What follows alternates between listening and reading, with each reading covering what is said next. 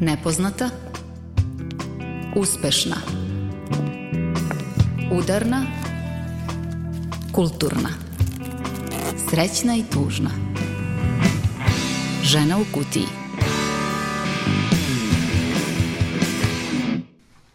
Slušate novembarsku ženu u kutiji. Dobar dan, ja sam Tamara Srijemac. Aktivizam i borba za bolje društvo na ulici, u umetnosti, u novinarstvu, o tome progovara današnja žena u kutiji.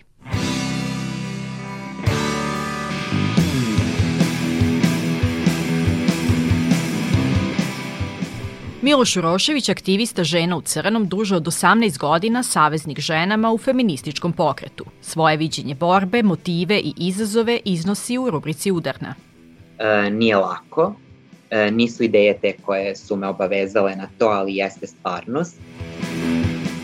Dragana Pećo, nagrađivana novinarka, uvek u borbi za istinu. Njene istraživačke priče donele su joj brojne nagrade, ali i pretnje i uvrede ništa ne bi menjala, ne bi se vraćala nazad i kad bi se vratila nazad, ja bih to opet sve isto uradila.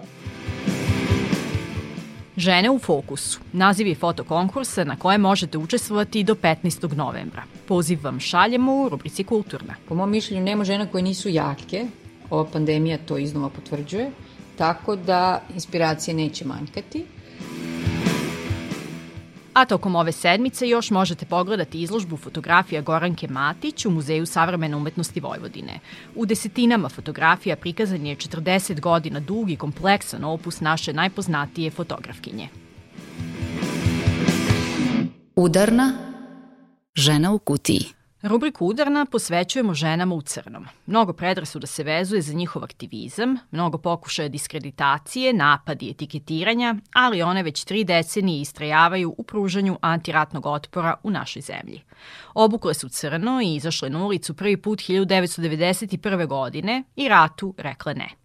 Danas se trude da se ti isti ratovi ne zaborave, a tu su uvek i kao podrška ženama koje su žrtve nasilja. Uz veliko poštovanje svih žena članica ovog kolektiva, Žena u kutiji danas daje reč muškom članu Žena u crnom, Milošu Uroševiću.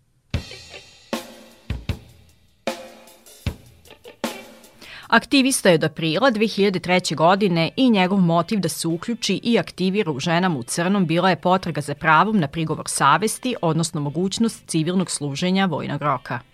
Otkad znam za sebe nisam želeo da idem u vojsku i tražio sam način da se iste oslobodim. Žene u crnom su promovisale pravo na prigovor savesti i ja sam jednog dana naišao na njihov letak i tako sam došao, došao prvi put i tu sam onda i ostao i umeđu vremenu počeo da radim i tu sam i dan danas.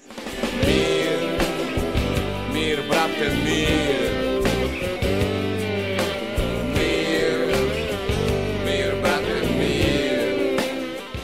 Još jedan motiv, najvažniji je, kaže to što u prostoru žena u crnom njegova različitost je dobrodošla i što je mogla da se razvija i još uvek se razvija i u tom prostoru ja mogu slobodno da dišem, jer u ovoj zemlji mi živimo na jedan takav način da se često borimo za vazduh. E, žene u crnom su prostor koji neguje drugost i različitost i to je, to je jedinstveno, pa je stoga redko i zbog toga je meni to toliko dragoceno. A dragoceno i delovanje žena u crnom u poslednjih 30 godina. Šta je stalo u tom periodu, u dahu izgovara sagovornik žene u kutiji.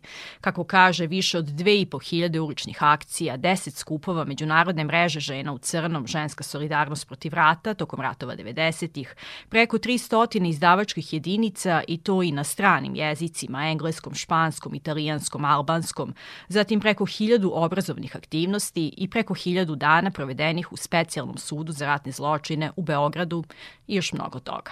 A da li nakon svih višegodišnjih aktivnosti uviđa pomake u našem društvu? Nažalost, pomaci uh, gotovo da ne postoje ili su oni jako mali, jer mi živimo u društvu koje umesto da ide napred, ono se stalno vraća natrag. Mi svedočimo uh, svaki put iznova, čini mi se, E, tim procesima retradicionalizacije i repatriarhalizacije društva. Oni nas stalno e, zarobljavaju mitove koji nam ne dozvoljavaju da se kao društvo razvijemo i da, i da se okrenemo u budućnosti, nego nas stalno uh, nagone na to da uh, gledamo u prošlost. Ispod šlema mozga nema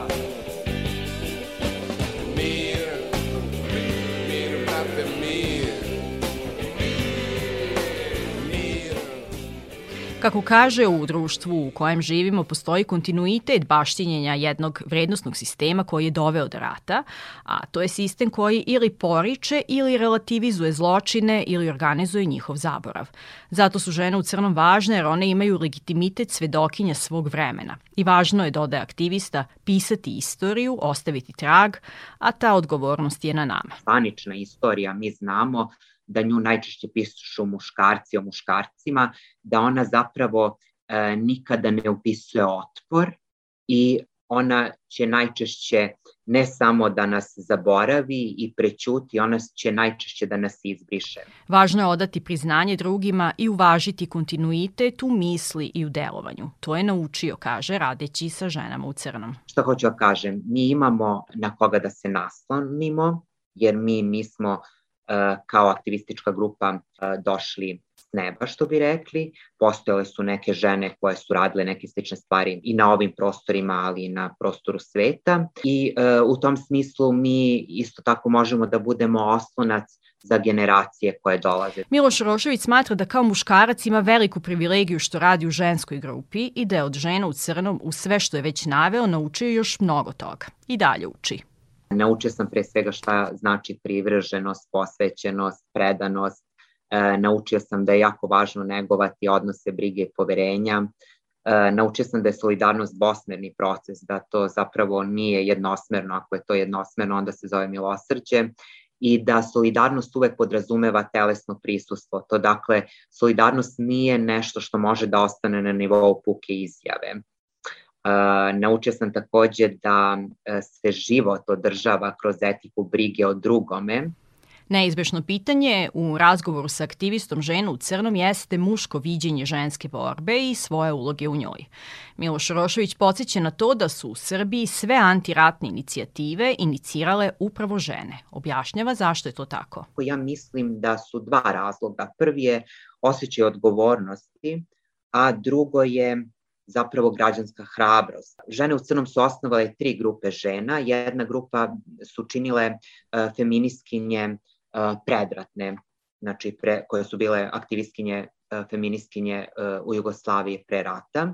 Druga grupa žena su bile pacifistkinje, odnosno građanke koje su bile protiv rata. I treća grupa žena su bile majke mobilisanih muškaraca, budući da su žene u crnom bile uh, tada sigurno mesto za skrivanje dezertera i onih muškaraca koji su odbijali da idu u rat i bile su jedna od onih grupa koja je javno podržala uh, dezertere. Uh, u tom smislu žene u crnom su imale ogromnu uh, građansku hrabrost da izađu u javni prostor na trg Republike i da na tom mestu uh, da kažemo, iznose u javni prostor onu činjenicu koja je, koju je država poricala, a to je da je Srbija u ratu.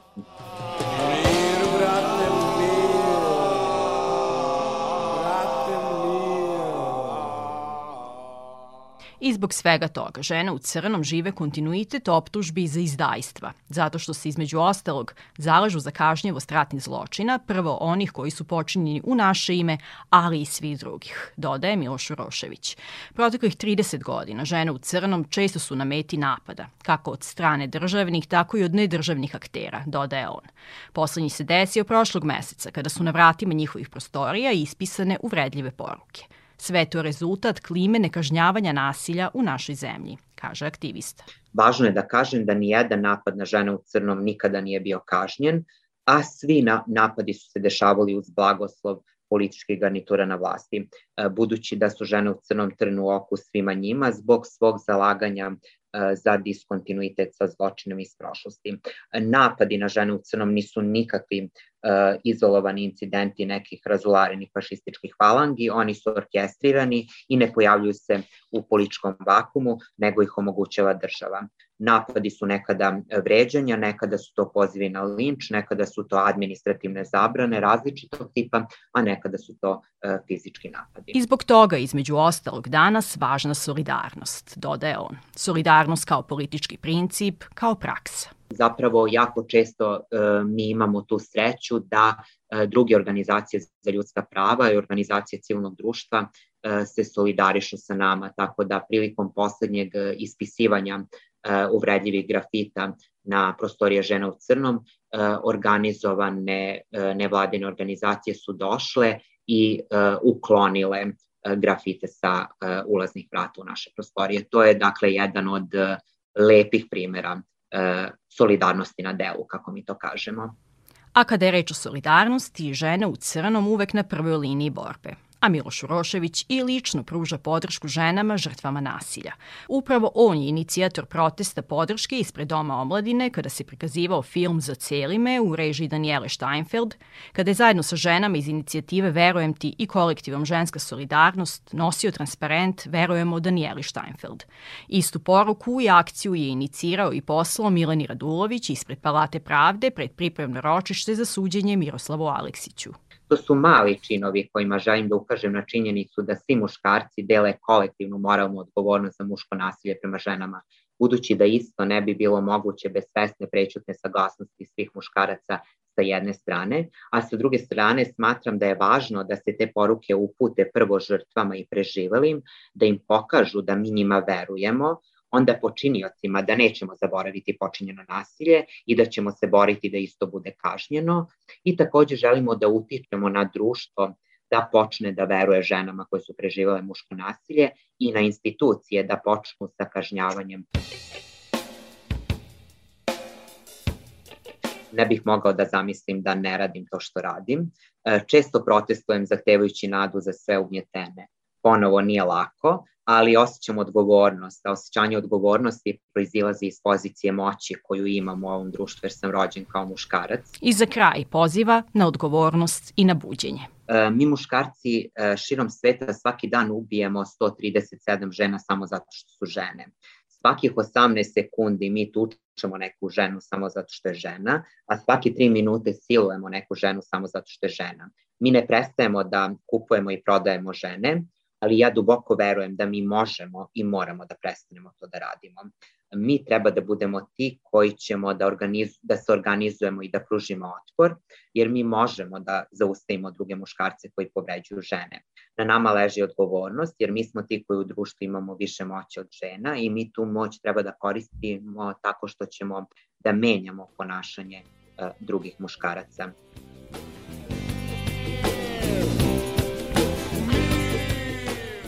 Na one uzvike koji kažu ne svi muškarci, ja imam da kažem ali samo muškarci i ne svi muškarci, ja kažem ali sve žene.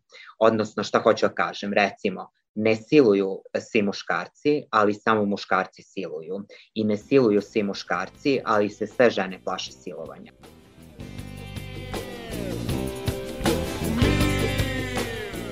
Potrebno je da sami sebe kao muškarci pitamo, da postavimo sami sebi jedno pitanje, e, dok žene nastavljaju da broje kako mrtve, tako i preživele, šta mi radimo za to vreme?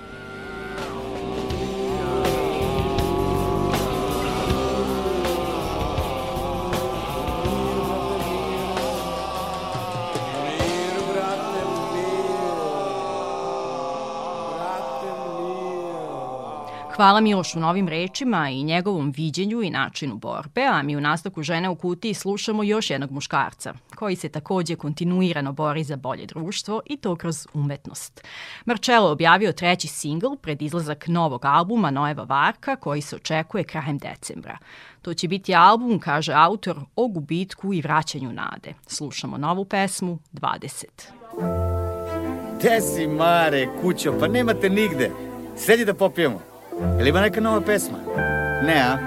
A protesti i to pukloša nomad? Ma okej okay sam, da, žena, dete, šljaka. Nego si čuo ovo za mog drugara Saleta? Ode moj Sale. A baš nas zvali na 20 godina maturu. Moji su drugovi, biseri, po nešto srca kad se pije otkaz ljubi patos i psihički puca Ko ima neke pare taj vuče lajne i bunca. Buraz sve mi je to mučno sranje i užas da slušam. Do zida zadnja klupa mali bursać zvani puškar. Bez puškice ne bi popunio ni đački leksikon.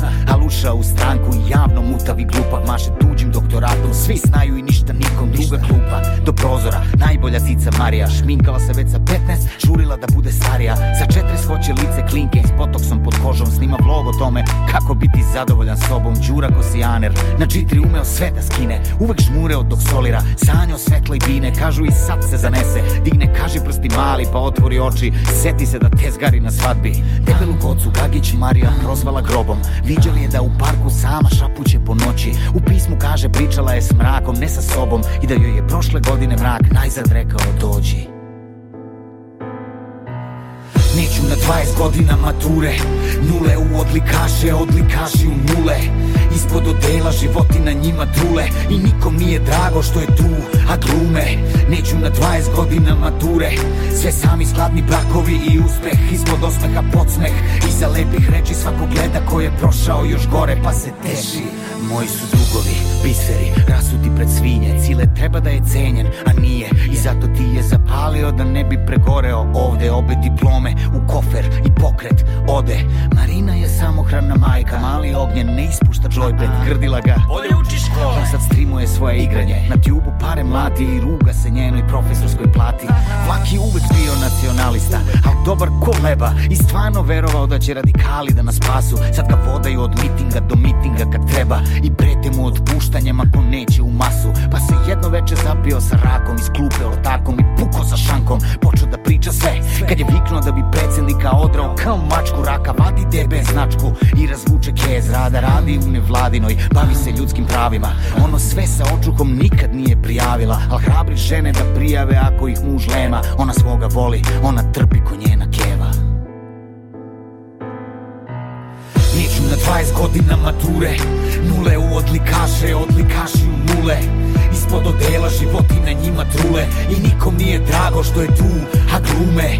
Neću na 20 godina mature Da gledam Armagedon ispod armature. Svi se vesele, a svako tajno želi skroz Da ga pregazi Bajagin voz Moji su drugovi Obijene školjke i ja sam često maštam da naprosto odem. Znam da Nina ima lika Noću odvojene sobe, al kao imamo dete Kao porodica i to sve. I znam da nikom nije tema kad se ubije goca Jer ovaj svet je govno I ljudi su govna Al ovo oko Saše Stvarno nije cool. Brate Sale sedo sa mnom Bio mi najbolji drug Umetnik, poznat, voljen, dobar I odjednom, bam, pala mu klap na vozdra. Svi preneli, svi žale Vidim neki šire nonsens da je to poruka svetu Performans, koncept Jebeba mater bre, depra nije stav Depra je bolest, ali nije bio zdrav. Uvek delovao veselo, pa da glupi konju. Depresivci se osmehuju do dana kad se roknu.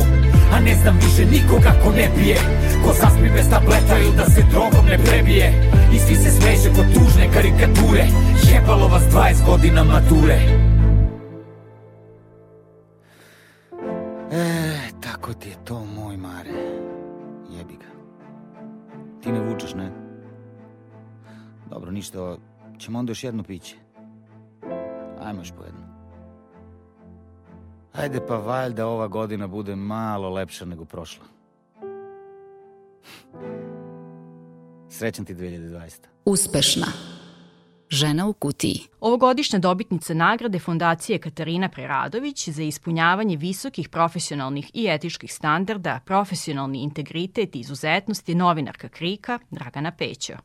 Prošlog meseca, u 10 dana, za nju je stigla još jedna nagrada za etiku i hrabrost Dušan Bogavac koju dodeljuje Nezavisno udruženje novinara Srbije i Fondacija Dušan Bogavac.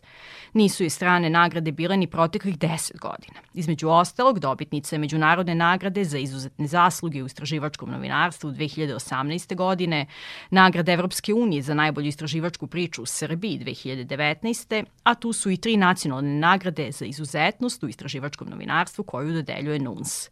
Potpuno jasno i razumljivo zašto je današnja uspešna Dragana Pećo.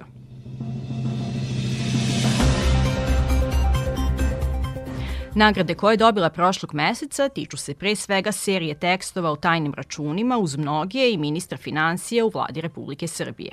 Sistematično, temeljno, predano istraživanje, analiza dokumenta koji su procurali iz kompanija koje nude offshore usluge, rezultirali su tekstovima na portalu Krik koje potpisuje Dragana Pećo. I u gotovo svakoj njenoj biografiji, novinarskom tekstu koju je izvestio o nagrađenoj novinarki, stoji epitet hrabra. I ja slušam to svuda, hrabra, hrabra i kako si ti hrabra i onda zapravo shvatim da da ja jesam hrabra. I, I moja mama me pita odakle tebi hrabro za to. I ja se nekad pitam odakle meni hrabro za to, ali me više brine to što je za ovo potrebna hrabrost. Jer ja u stvari samo radim svoj posao, jer ja samo želim da se bavim istraživačkim novinarstvom. I bavi se vrlo uspešno. Istraživanje na pričama koje radi traje mesecima. Voli svoj posao, kaže, dilemu nema, ali ne poriče da on utiče na stil života. Svakodnevni život takav da kad izađete na ulicu, ko je iza vas, ko je oko vas, kako ćete da komunicirate oko osetljivih tema, pazite kako sa kolegama da komunicirate, kako da sarađujete, uvek ste, uvek ste na oprezu, da to je konstantan 24-7 neki oprez, da sve bude na svom sigurnom mestu od, od sredstava za rad, laptopa, telefona, da sve bude negde zaključano, da dokumenta budu na sigurnom, kako će ko da vas kontaktira, kome da odgovorite, da to bude sigurno. I onda konstantno razmišljate o tome, a to vam postane sastavni deo života. Poredim to sa ovim što svi danas dezinfikujemo ruke ovim sredstvima za dezinfekciju, postalo nam normalno. A neko da nam je rekao pre pet godina svaki dan da dezinfikuješ ruke ovim gelom, koliko puta dnevno, da li bi to radio? I kao ne. I, I tako jedna po jedna stvar samo se uh, pojavi koja postane uh, rutina donekle, jer bez toga ne može, nažalost je postalo normalno, nešto što nije normalno, da trpimo tolike pritiske ili da na ulici pijete kafu u kafiću, da li neko sedi pored vas i prisluškuje, fotografiše i slične stvari. Ništa ne bi menjala, ne bi se vraćala nazad i kad bi se vratila nazad, ja bih to opet sve isto uradila. Istraživačko novinarstvo je deo nje. Kako kaže, i da se ne bavi tim poslom, sigurno bi u slobodno vreme nešto istraživala po internetu i analizirala neka dokumenta. Maštam da se bavim istraživačkim novinarstvom, što sam imala deseta godina kad nisam ni znala šta je istraživačko novinarstvo. Posle sam saznala, ali da sam znala da će to ovako da izgleda danas u Srbiji 2021. Ja bih to ponovo izabrala a izgleda tako što je uvek skopčano sa stresom, strepnjom i oprezom. Naročito kada su se dešavale velike dugotrajne kampanje diskreditovanja, vređanja, pretnji novinara krika u javnom prostoru. Od tabloida preko narodnih poslanika do ljudi i samog vrha vlasti. I to tako trajalo, trajalo nedelja. Ja bukvalno uhvatim sebe da tek neko nekoliko dana shvatim kakva je to kampanja, šta se zaista dešava, da oni napadaju, konkretno evo sad mislim na kampanju kada su dovodili u vezu Krik da radi za Veljka Belivu, kada je Krik Belivu u mediji i kada su napadali urednika našeg Stevana Dojčinovića, da ja tek nakon nekoliko dana shvatim u šta se tu dešava, koliko je to opasno da meni dođe da ja plačem i vrištim u kancelariji jer ne mogu da verujem da oni napadaju novinare koje časno i profesionalno bave, rade svoj posao i napadaju našeg urednika, od najboljih novinara danas u, u našoj državi.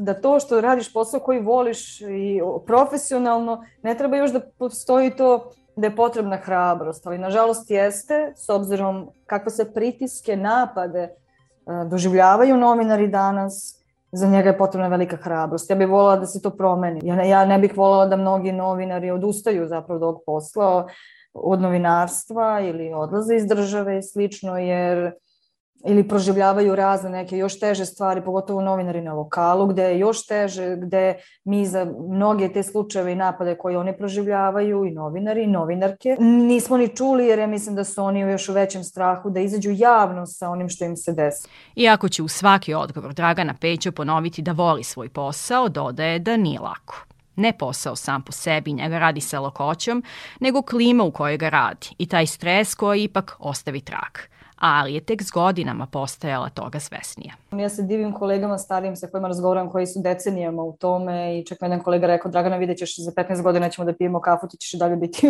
u, ovo, u novinarstvu. Ja, tako da ja, ja ne, mnogo je teško, ali kada, kada stvarno volite ono što radite i kada verujete da radite nešto ispravno i dobro od interesa za javnost i za celo društvo, kao što ja to osjećam i onda mislim da uh, da zaslužujemo, zaslužuju građani da znaju za svako sledeće otkriće koje se pojavi, do kojih dođemo, da treba da ga istražimo do kraja i da ga objavimo. Mislim da oni imaju da oni imaju pravo da znaju to, da moraju da znaju. Istraže do kraja, objave i ništa. Stvari se dalje najčešće ne procesuiraju, ali nije uzaludno, kaže novinarka. O, ovo neko mora da radi. I nekad kažem, u stvari kad više kad me pitaju za kako se osjećaš kad se ništa ne promeni. I na kraju što da kažem, pa neko mora ovim da se bavi, ljudi, neko ovo mora da radi. Iako, iako ja prestanem, iako moje kolege iz drugih nekih redakcija koje se bavi istraživačkim nastavom prestanu kući, ovo neko ovo mora da radi. I planira i dalje da radi, a za njen rad stižu nagrade. A da li one ipak imaju veću težinu od osporavanja i izjave koje je na njen rad stigla od ministra financija koji je rekao prestanite da lažete? Nagrade naravno da znači i da prijaju.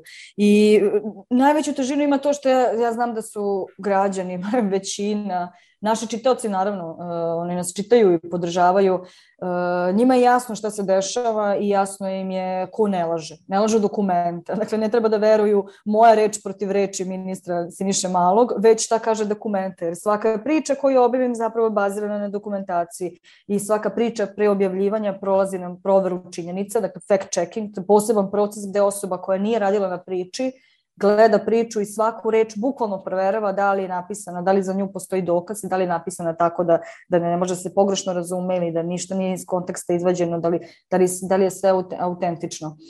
I ja sam tu mirna zato što znam da sve što sam napisala za sve postoje dokumenta.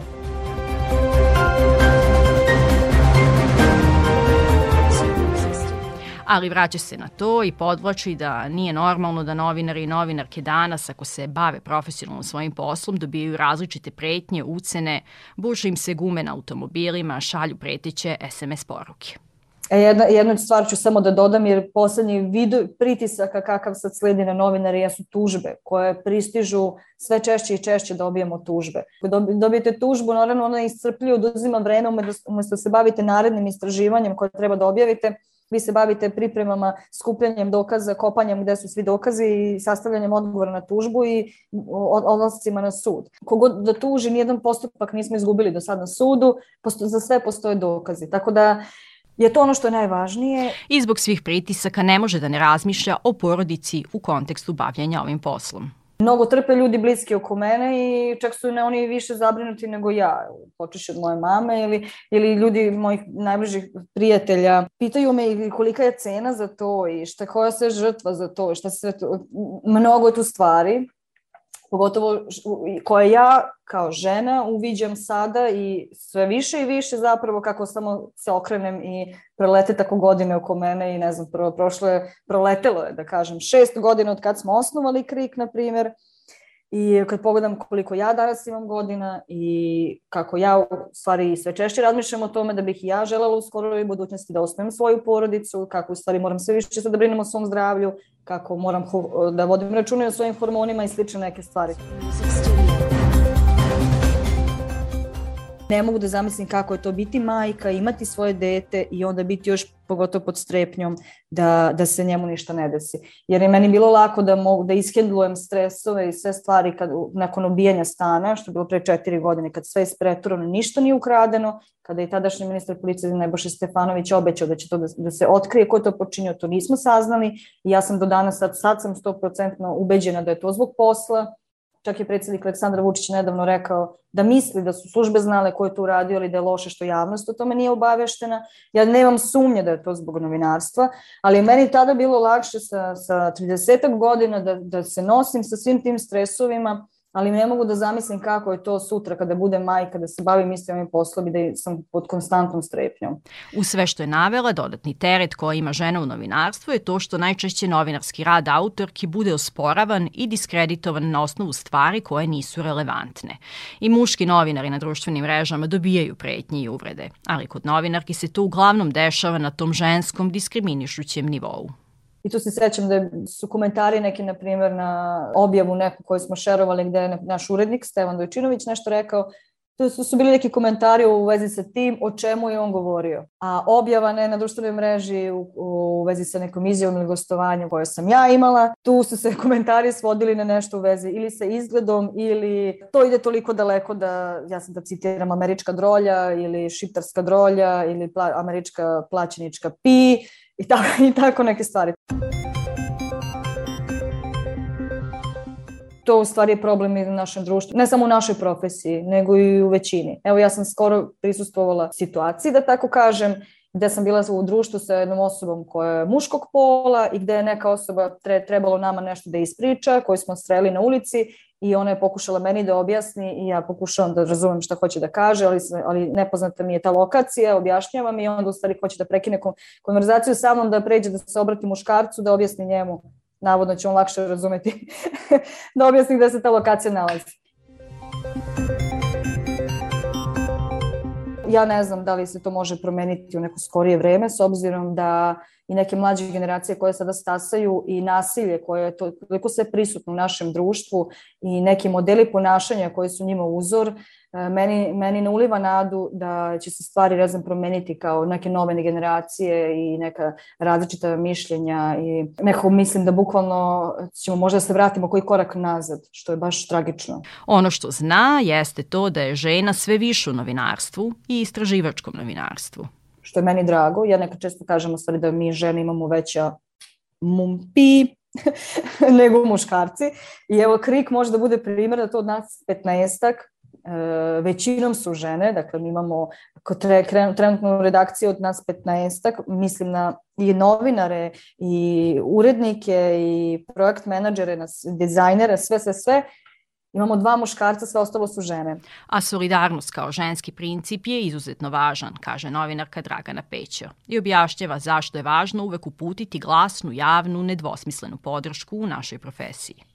Meni lično mnogo znači podrška i solidarnost i mislim da je ona jako važna. Dakle, podrška i solidarnost uh, među kolegama, koleginicama, kada god su ovakve situacije u vezi sa napadima, mislim da je jako važna. Čak možda i važnija Znači podrška od strane čitalaca, gledalaca, od strane publike i podrške koje, koje stižu u društvenim mrežama, ali veoma, veoma jeste važna podrška koju mi međusobno je, upućujemo jedni drugima unutar naše profesije kada god su ovakve neke situacije kojih je sve češće, nažalost.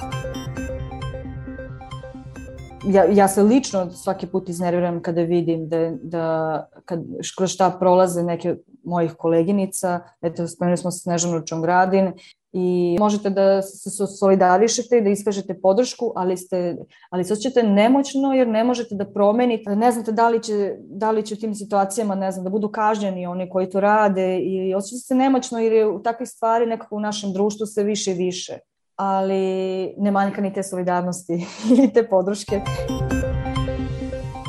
Ja mislim da i drugi, ja barem nekad iz, iz takvih stvari na kraju opet izađem i, i jača i čak e, proladim malo na neki inat i da ja sad u stvari sam još više snage i volje imam sad za neko sledeće istraživanje hoću da, koje hoću da objavim ovaj, koga god da može ono da iznervira ali ja jednostavno želim da, da se neke stvari saznaju, to je da građani saznaju, mislim da je jako važno.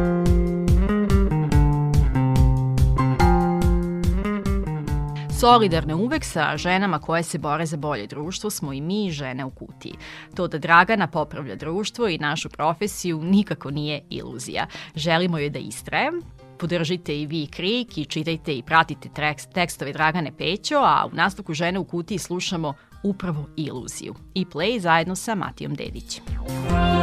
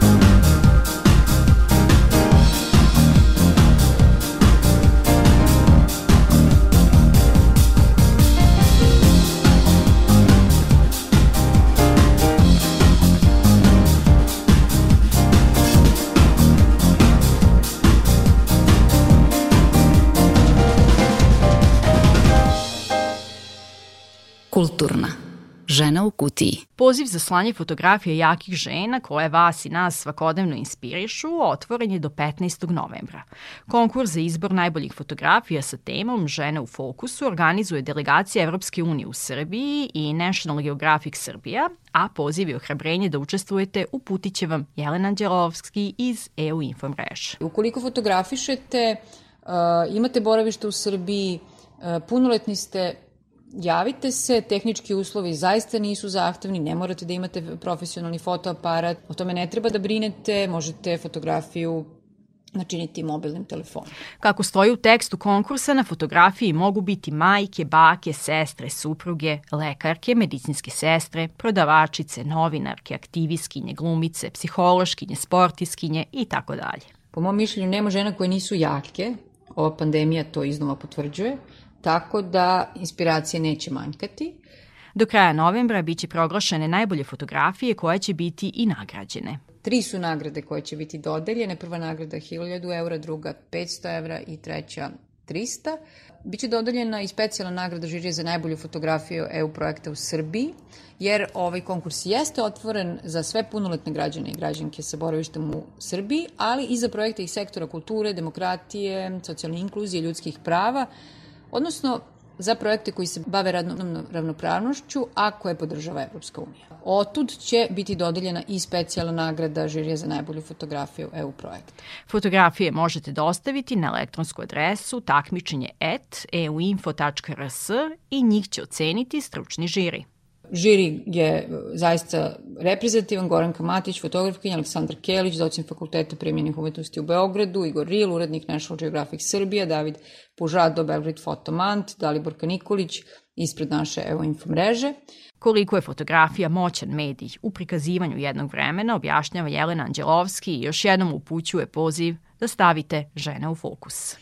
E, preciznost kojom fotografija može da nam postavi pitanje, da nas e, uvede u neki problem, da o njemu mislimo i tako dalje, jeste zapravo veoma, veoma jasan svojim strukturom, bojom, teksturom i tako dalje na mnogo načina, naravno pre svega okom onog ko, ko fotografiju izrađuje, e, možete učiniti, možete naravno učiniti puno toga u ovom mediju. Dakle, ukoliko vas zanima fotografija, javite se i učestvujte. Žene u fokusu, fotokonkurs. Do 15. novembra je otvoren.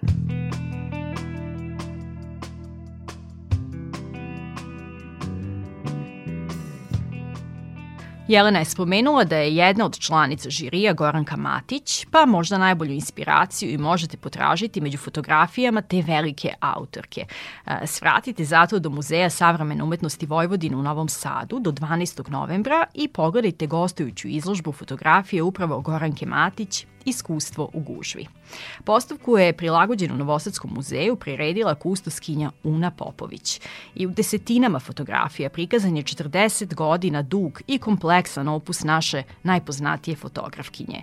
Njene fotografije nisu samo hronika jednog vremena 80. i 90. godina, već i emotivno putovanje.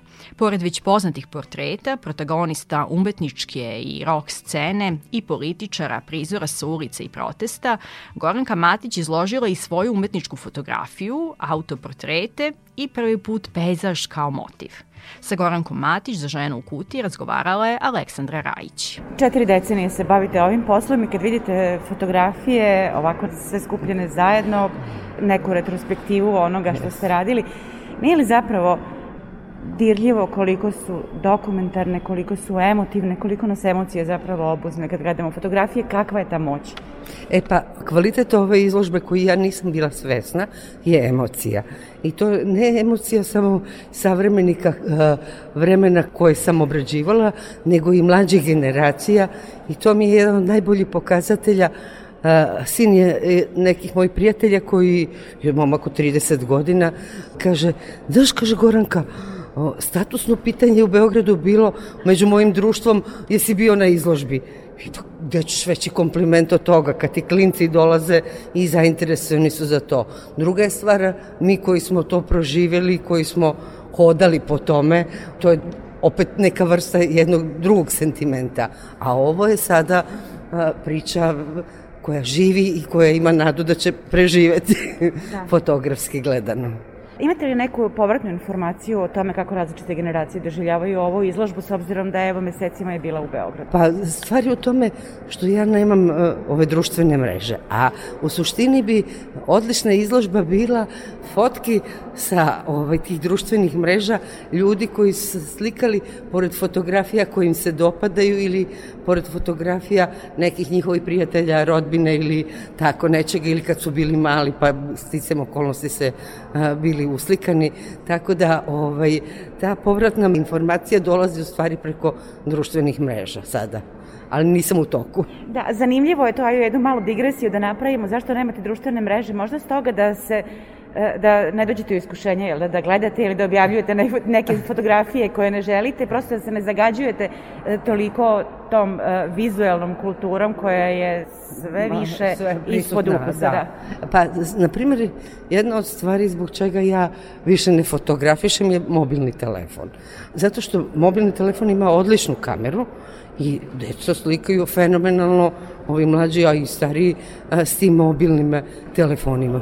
I čemu da se sad ja tu petljam kad ima nekih koji u duhu svog vremena rade to. I kuće lepše. Da, ono što se na ovim fotografijama zapravo prvo uočava, to je jedan povišen osjećaj za društveni trenutak u kom se nalazite. Je li to nešto vaše pripadajuće lično ili to nešto što ste gradili profesijom? Pa sticaj okolnosti je da je to kombinovano. Jer jednim delom sam i želela, a drugim delom, pošto sam radila za novine, bila i uvučena u to. A zahvaljujući tome što sam radila za novine, bila sam prisutna u raznim situacijama, kako roka, tako i uličnih zbivanja 90. godina, jer bojim se da ne bi baš ono izlazila sad da slikam, možda bi izlazila da protestujem, ali ne bi izlazila da fotografišem. Tako da se tu pobedesilo i posao kojim sam se bavila, a istovremeno interesovanje. Da, ali ovde je i cela jedna kulturna scena tih 80-ih, pre da. svega godina, potom i 90-ih. Dakle, ne samo akteri kulturne scene, nego evo gledam i jednu staru fotografiju da. redakcije vremena u kojem ima puno ljudi koji nema. više nema. Kako ste osetili zapravo taj, taj kulturni trenutak? Mislim, bili ste deo tog urbanog da, miljeja. Da. Kako ste ga osetili? Pa, nesvesno, što bi se reklo, jer si u tome i samim time kad si u tome, onda i ne razmišljaš, nego radiš. Naprimer, ta redakcija vremena, to je bio prvi broj je izašao i a, pošto sam počela od prvog broja da radim u vremenu, onda sam imala osjećaj a, onog starog a, da se zabeleži svet koji je bio tu i to sam autoknipsom slikala, vukla mami u 6-7, onda imala ono neko crevce za okidanje i tako to uradila. Znači, stvar je kombinovana i život me naneo, a i interesovanje postojalo. Kad se povećaju te dve stvari, nešto ispadne. E, ima ljudi, ima portreta, ima ritma ulice, da. ima onoga što se dešava u gradu, nema prirode. Ima u Gorskom Kotoru ali to je netipično i to je prvi put izloženo. To sam kao posvetila seriju mom tati koji je iz Gorskog Kotara i ja se zovem Goranka zbog Gorskog Kotara. Tako da te pejzaže sam, eto, štiklirala kao moment ima i to. Jedno makrofotografije nema. Ima čak i vaših portreta i autoportreta i meni se čini da je kustoskinja Una Popović to objasnila kao jedno identitetsko istraživanje. Kako napravite autoportret zapravo? Verovatno na neki način svako ima taj neki moment istraživanja sebe. Onda sam po hotelima, po toku putovanja sebe slikala, nije bilo selfija, nego ono, jel u ogledalu, jel autoknipsom.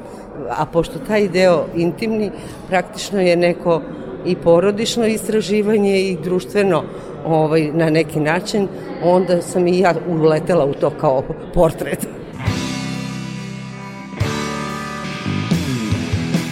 Svratite u Muzej savremene umetnosti Vojvodine, učestvujte na fotokonkursu Žene u fokusu, podržite krig, budite solidarni sa svima koji su sporavani i sprečavani u nameri da se bore za istinu i bolje društvo.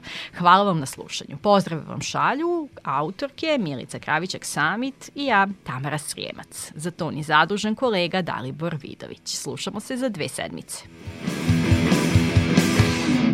Ne idemo bez muzičkog pozdrava, za kraj slušamo Anu Ćurčin i njenu pesmu Tu, koja je objavljena na proleće ove godine. Prijatan dan!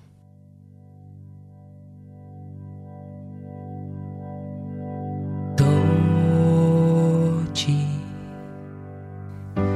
da sviramo i pijemo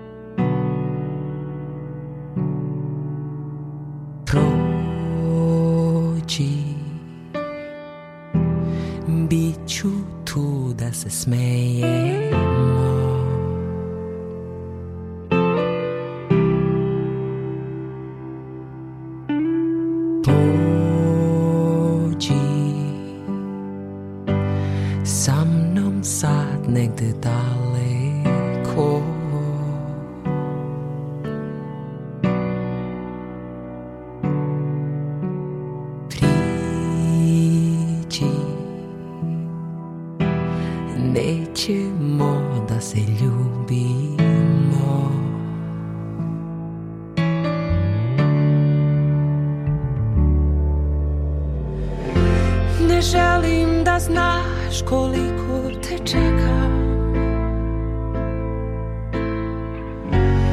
Bićeš tu,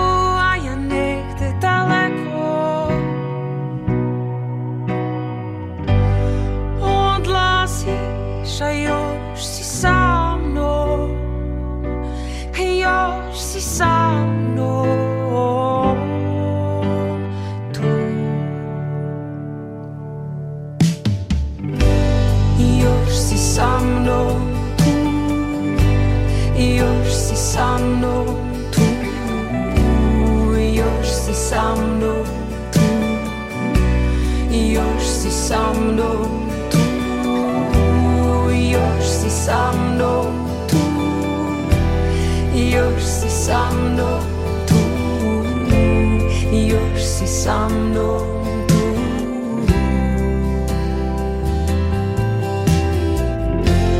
želim da znaš koliko te čekam. Bićeš